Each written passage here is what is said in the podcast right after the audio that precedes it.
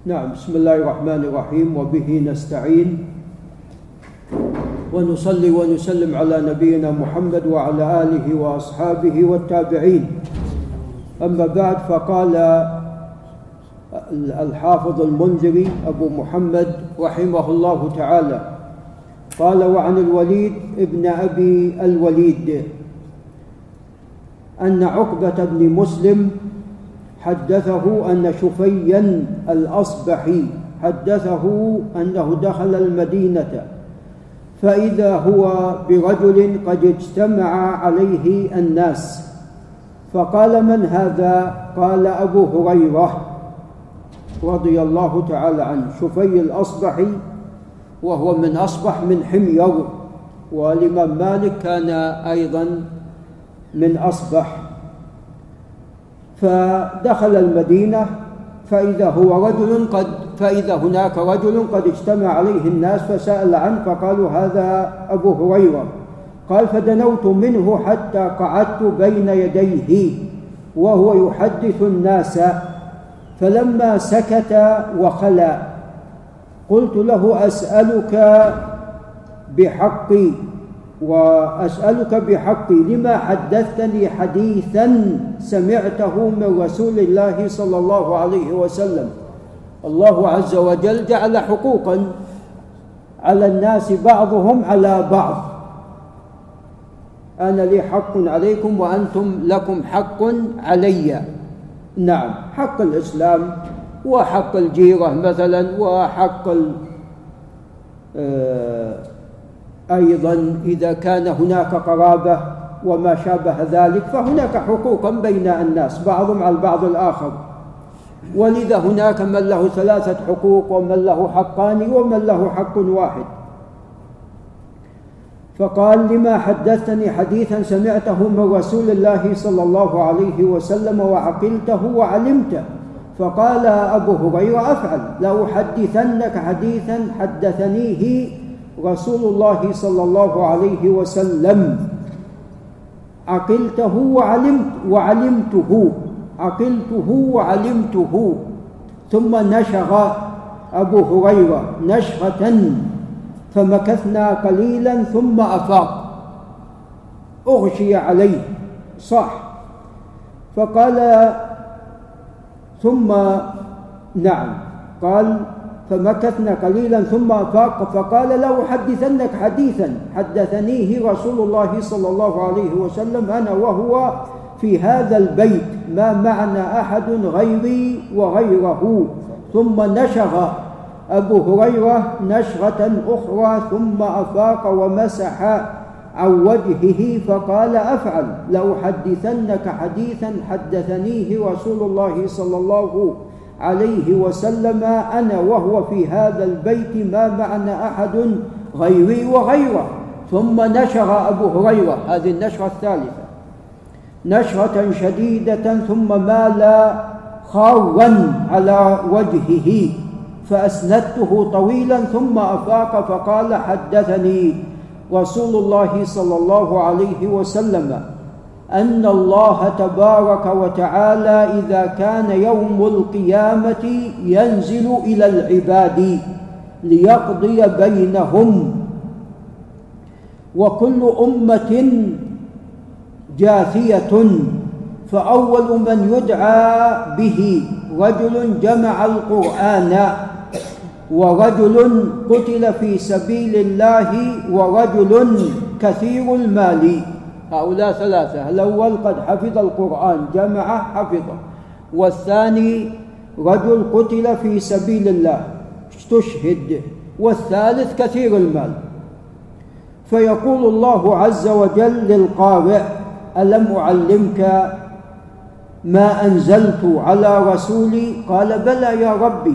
قال فما عملت فيما علمت؟ قال كنت أقوم به آناء الليل. وآناء النهار. فيقول الله عز وجل له كذبت. نعوذ بالله من ذلك. وتقول له الملائكة كذبت. ويقول الله تبارك وتعالى بل أردت أن يقال فلان قارئ. هنا المشكلة. يعني الإنسان يحب أن يمدح. وهذا في الحقيقة يصير عمله ليس لله. يريد مدح الناس ولا يريد ما عند الله عز وجل أو يغفل ما عند الله ويريد العاجلة التي عند الناس.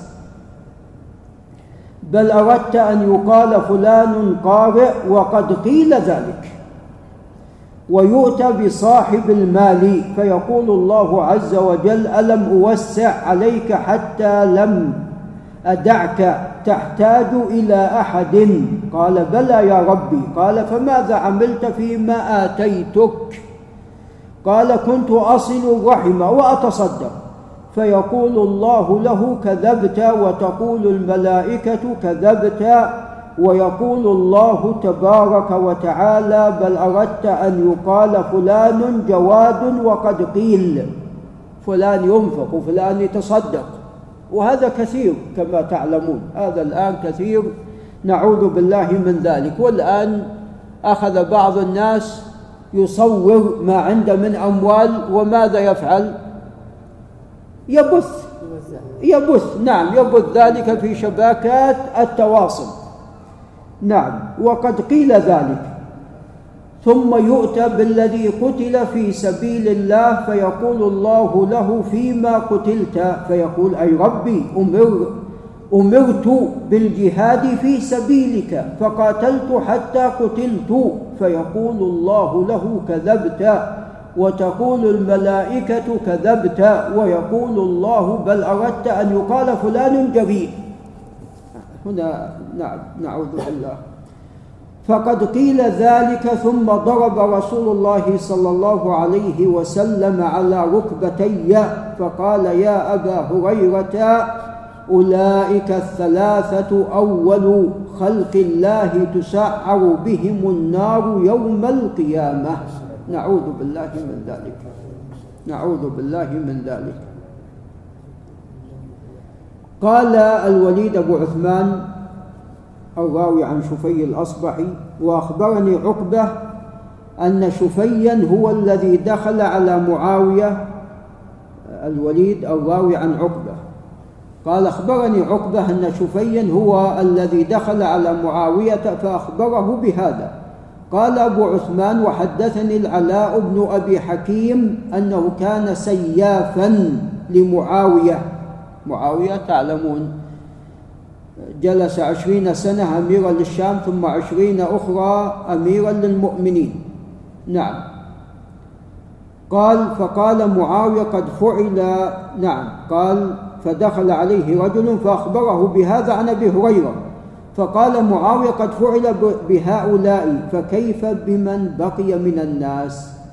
ثم بكى معاوية بكاء شديدا حتى ظننا أنه هالك.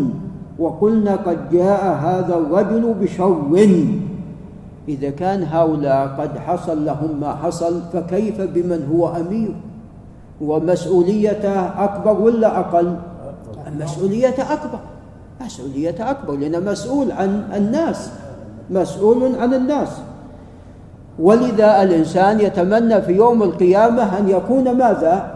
خفيفا لا مسؤول عن أحد ولا عنده أموال ولا عنده ولا عنده. ولذا تقدم لنا أن الخطيب البغدادي رحمه الله عندما يعني شعر بدنو أجله كان عنده 200 درهم 200 دينار تقريبا من الذهب. فأرسل إلى الخليفة قال ائذن لي أتصدق بهذه الأموال. لأن ما كان هناك أحد يرثه ما عنده لا ولد ولا زوجة ولا ولا ولد عم ولا كذا. والأصل أن الأموال إذا كان أموال الشخص إذا كان ما هناك أحد يرثه أين يذهب بها يا أستاذ علي؟ يذهب بها إلى بيت المال. إذا كان ما في أقارب. إذا كان ليس هناك أقارب يذهب بها إلى بيت المال. فهو استأذن أن يتصدق بهذه الأموال وحتى أيضا ثيابه فما بقي إلا الظاهر بثوبه الذي مات فيه. رحمه الله تعالى لكن بقيت كتبه. إلى الآن كتب ما أكثرها التي طبعت رحمه الله. فيتمنى الإنسان يوم القيامة أن يكون خفيف. هذا الدينار اللي حنا الآن نحرص عليه غاية الحرص. يتمنى الإنسان يوم القيامة أنه يعني يأتي وليس يحاسب عن شيء. ولذا من ظلم شبرا طوقه يوم القيامة من سبع أراضين. نعوذ بالله من ذلك. ولذا هناك امرأة ادعت على سعيد بن زيد. من هو سعيد بن زيد العدوي يا أبا حمزة؟ أحد العشرة أحد العشرة ابن عم عمر بن الخطاب. أحد العشرة المبشرين بالجنة. دعاه الخليفة. قال على أي شيء دعوتني؟ قال أن جارتك في في الملك في الأرض تقول إنك أخذت شيئا من أرضي. قال لا نأخذ شيء من أرضها. بعد أن سمعت رسول الله صلى الله عليه وسلم قال ما قال؟ قال له الأمير وماذا قال؟ قال من ظلم قيد شر طوقه يوم القيامة من سبع اراضين قال والله لا أسألك حجة بعدها. قال اللهم إن كانت كاذبة علي فأعمي بصرها وأمتها في أرضها. فما مرت الأيام إلا وقد عميت وماتت في حفرة في أرضها. هذا في الدنيا ما ندري في الآخرة. نعوذ بالله من ذلك. قال ثم بكى معاوية بكاء شديدا حتى ظننا أنه هالك وقلنا قد جاء هذا الرجل بشر. ثم أفاق معاوية ومسح عن وجهه وقال صدق الله ورسوله صلى الله عليه وسلم قال الله تعالى من كان يريد الحياة الدنيا وزينتها.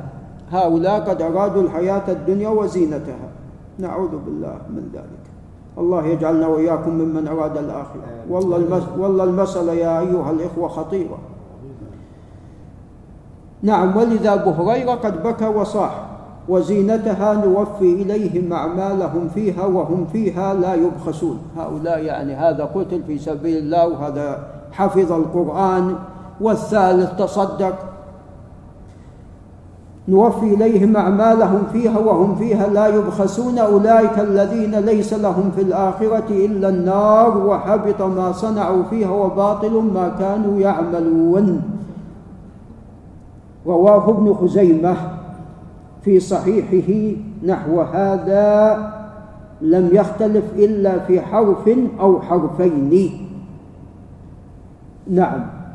طبعا هذا الخبر أيضا قد رواه ابن حبان وابن حبان قد اشترط أيضا الصحة.